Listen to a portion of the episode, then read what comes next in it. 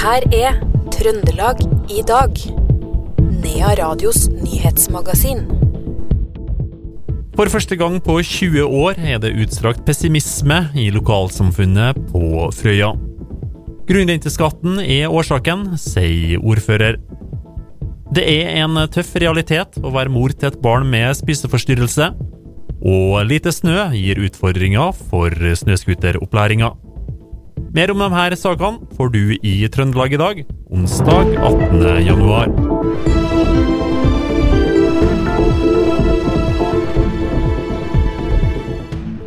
Først skal vi til Frøya.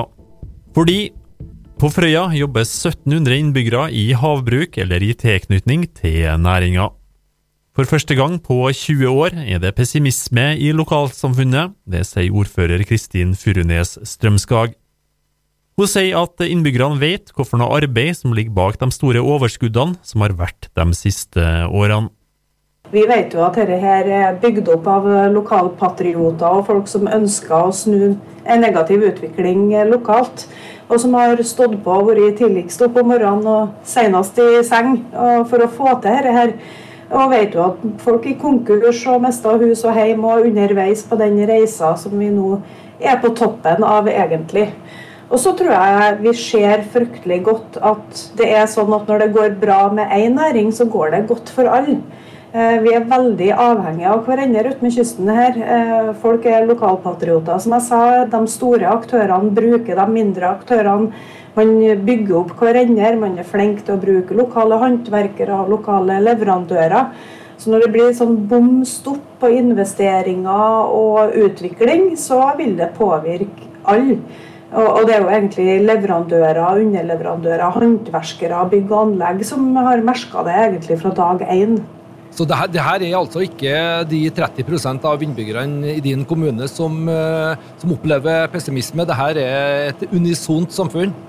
Å oh ja, absolutt. Og det hører jeg tverrpolitisk i kommunestyret, eller om jeg er på butikken. Så om det, om det er de ungdommene som går blå linje på videregående skole og er 16-17 år og har sett for seg framtid i næringa, eller om det er pensjonister som vet hvordan det var på Frøya på 60- og 70-tallet, så er alle sammen opptatt av dette. Det sa ordfører Kristin Furunes Strømskag til reporter Per Magne Moan. Av 77 høringssvar fra Trøndelag er det bare ett som støtter regjeringas forslag til lakseskatt. Det ene positive svaret kommer fra SVs lokallag i Flatanger. Karin Løvendal Mokstad og dattera Selma Løvendal Mokstad har skrevet ei bok om noe så alvorlig som spiseforstyrrelser. Vår vei ut heter boka.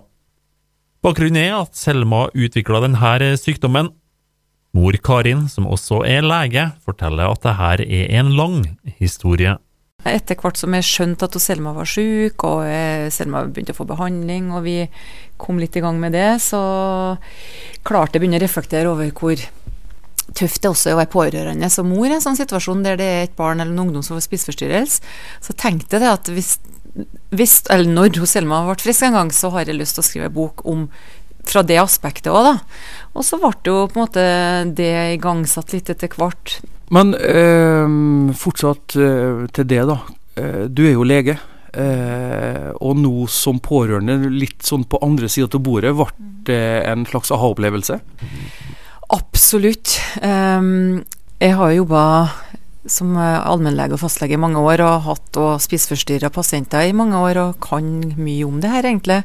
Men jeg må nå bare si det at det er noe helt annet å være mor og være pårørende å se det helt inntil kroppen og i sitt eget hus, enn det å være profesjonell, selvfølgelig. Så det var mange aha-opplevelser som jeg tror hjalp Selma underveis, fordi jeg tross alt kunne det, men jeg tror også det hjelper de pasientene jeg har nå med spiseforstyrrelser, at jeg har den tøffe brutale erfaringer sjøl. Så jeg tror alt i alt så, så, har det vært noen fine ting med, med den prosessen da. da. Det sa Karin Løvendal Mokstad til reporter Odd Arne Harlås. Coop Oppdal omsatt for litt over en milliard kroner i 2022, og betaler nå ut 12 millioner kroner i utbytte fordelt på sine 20 000 medlemmer. Domus-senteret i Oppdal omsatt alene for 450 millioner kroner i fjor. noe som er en ny rekord, sier en fornøyd administrerende direktør, Morten Erik Stølen. Ja, altså, jeg kjører godt fornøyd med 22. Eh, en forventa utflatning i omsetning etter pandemiåra, og, vi kom godt i havn. Mm. Og tallenes tale, hva sier de? Hvor mye har dere omsatt for? Nei, altså omsatt for litt over en milliard da, totalt. Så omtrent i tråd med budsjett. Litt ned. Litt grann, ja. Av ymse årsaker. Ja, kom litt inn på det. Du sier jo litt om det i, i en prat vi hadde med deg mm, på OP.no òg. Eh, bakgrunnen for det? Ja, altså, og så har jo lagt ned en butikk på Tynset. Og så har vi bygd om tre butikker. Eh, Åpna to nye og bygd om én. Så de har jo vært stengt da, i alt fra én måned til fire måneder. Så det er jo utslag på omsetning, sjølsagt. Coop Oppdal har sin hovedbase i Oppdal, med virksomhet i åtte kommuner og har 450 ansatte. Administrerende direktør Morten Erik Stulen ble intervjua av Per Ole Aalberg fra Radio E6. Statens helsetilsyn varsler tilsyn mot St. Olavs hospital i saken der et embryo ble satt inn i feil kvinne på slutten av 90-tallet. Det skriver Adressa. Helsetilsynet skriver til sykehuset at saken reiser juridiske og etiske problemstillinger og har fått konsekvenser. Ikke bare for barnet som ble født etter behandlinga, men også for parene som ble behandla med assistert befruktning. Statens helsetilsyn vil både innhente informasjon og dokumentasjon, men også gjennomføre et tilsynsbesøk ved sykehuset, sier dem. Den trønderske kommuneoverlegen suspenderes i ytterligere seks måneder. Det skriver avdelingsdirektør Anne Myhr i Helsetilsynet i en e-post til NRK. Myhr sier at eh, Helsetilsynet vurderer det som hensiktsmessig å avvente politiets etterforskning før de kan fatte endelig avgjørelse i saken, og fant det derfor nødvendig å forlenge suspensjonen, skriver hun videre. Den 24. Eh, august ble legen sikta av politiet for å ha misbrukt stillinga til å skaffe seg seksuell omgang. 58 kvinner har anmeldt legen, og han nekter straffskyld. Politiet skal undersøke om fôringsanlegget på gården på Innherred, der 200 griser ble funnet døde i forrige uke, var helt eller delvis defekt. Det sier politiadvokat Amund Sand til Trønderavisa. Gårdbrukeren har kommet med en eh, forklaring om vann- og fôringsanlegget. Politiet vil nå undersøke om anlegget kan være noe av forklaringa på dyretragedien, sier Sand. Fastlegeordninga visner på rot. Det sier Høyre-politiker i Trondheim og tidligere fastlege Tone Dorte Sletten til Adressa. Sletten mener bystyret i Trondheim burde blitt informert da Munkholmen legesenter beslutta å legge ned drifta og 3000 brukere mister fastlegen. Sletten sier videre at eh, staten jobber for sakte med å løse fastlegekrisa. Regjeringa ignorerer dommen fra Høyesterett. Det sa biskopen i Nidaros, Herborg Finseth, i sin nyttårstale i Nidarosdommen i går. Det skriver NRK. Finseth mener regjeringa ikke har reagert på Høyesteretts dom om at vindkraftanleggene på Fosen bryter med FN-konvensjonen om urfolks rett til kulturutøvelse. Olje- og energidepartementet avviser kritikken og sier at de er i en prosess for å sikre rettighetene til reindrifta på Fosen. Det sier statssekretær i Olje- og energidepartementet, Elisabeth Sæter, til NRK. Så skal vi over til politiloggen.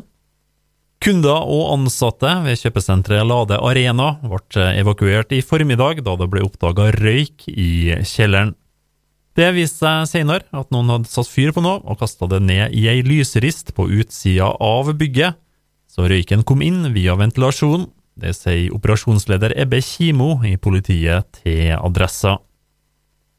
En bilfører fikk førerkortet beslaglagt etter ei ulykke på E6 ved Rindleire i Verdal i dag tidlig. Sjåføren som mista førerkortet, overholdt ikke vikeplikta og kolliderte med en annen bil, ifølge politiet.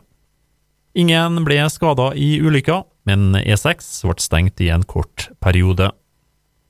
Ei kvinne i 20-årene ble sendt til sykehus etter å ha blitt påkjørt i Industriveien på Heimdal i Trondheim i dag tidlig. Det melder politiet. Kvinna skal ikke blitt alvorlig skada. Påkjørselen skjedde i et gangfelt Sjåføren av bilen blir derfor anmeldt, og førerkortet er beslaglagt. Så skal vi over til andre nyheter.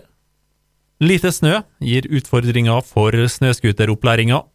Denne uka er Geir Hansen fra ABS trafikkskole i Trondheim i Haltdalen for å undervise elever i snøscooterkjøring. Det er ikke så lett med så lite snø, sier Hansen.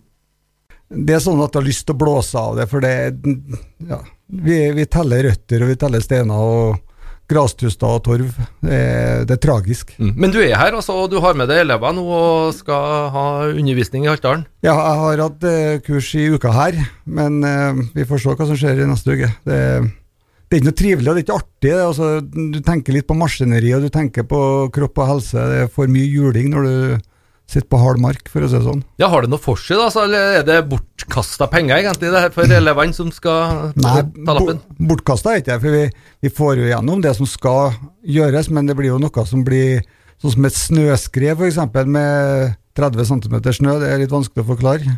Så da blir det muntlig.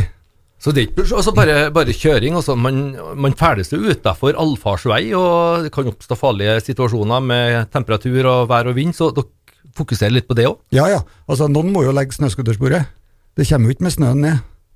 Noen må jo lage det. Og vi ser jo at utviklinga i Norge, bl.a. kan du si både på eldrift og på signal til mobilnett og alt mulig, det er jo folk som er ute av snøscooter som yrkeskjøretøy for å komme seg til punkt B for å gjøre jobben sin.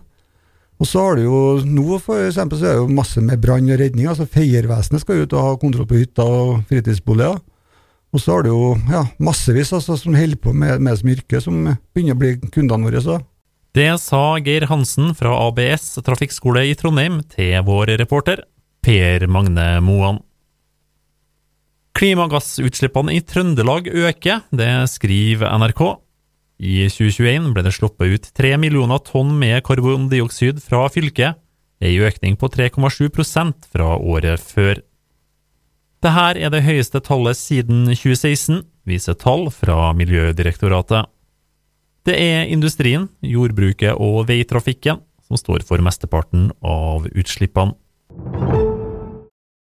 Så skal vi over til sport.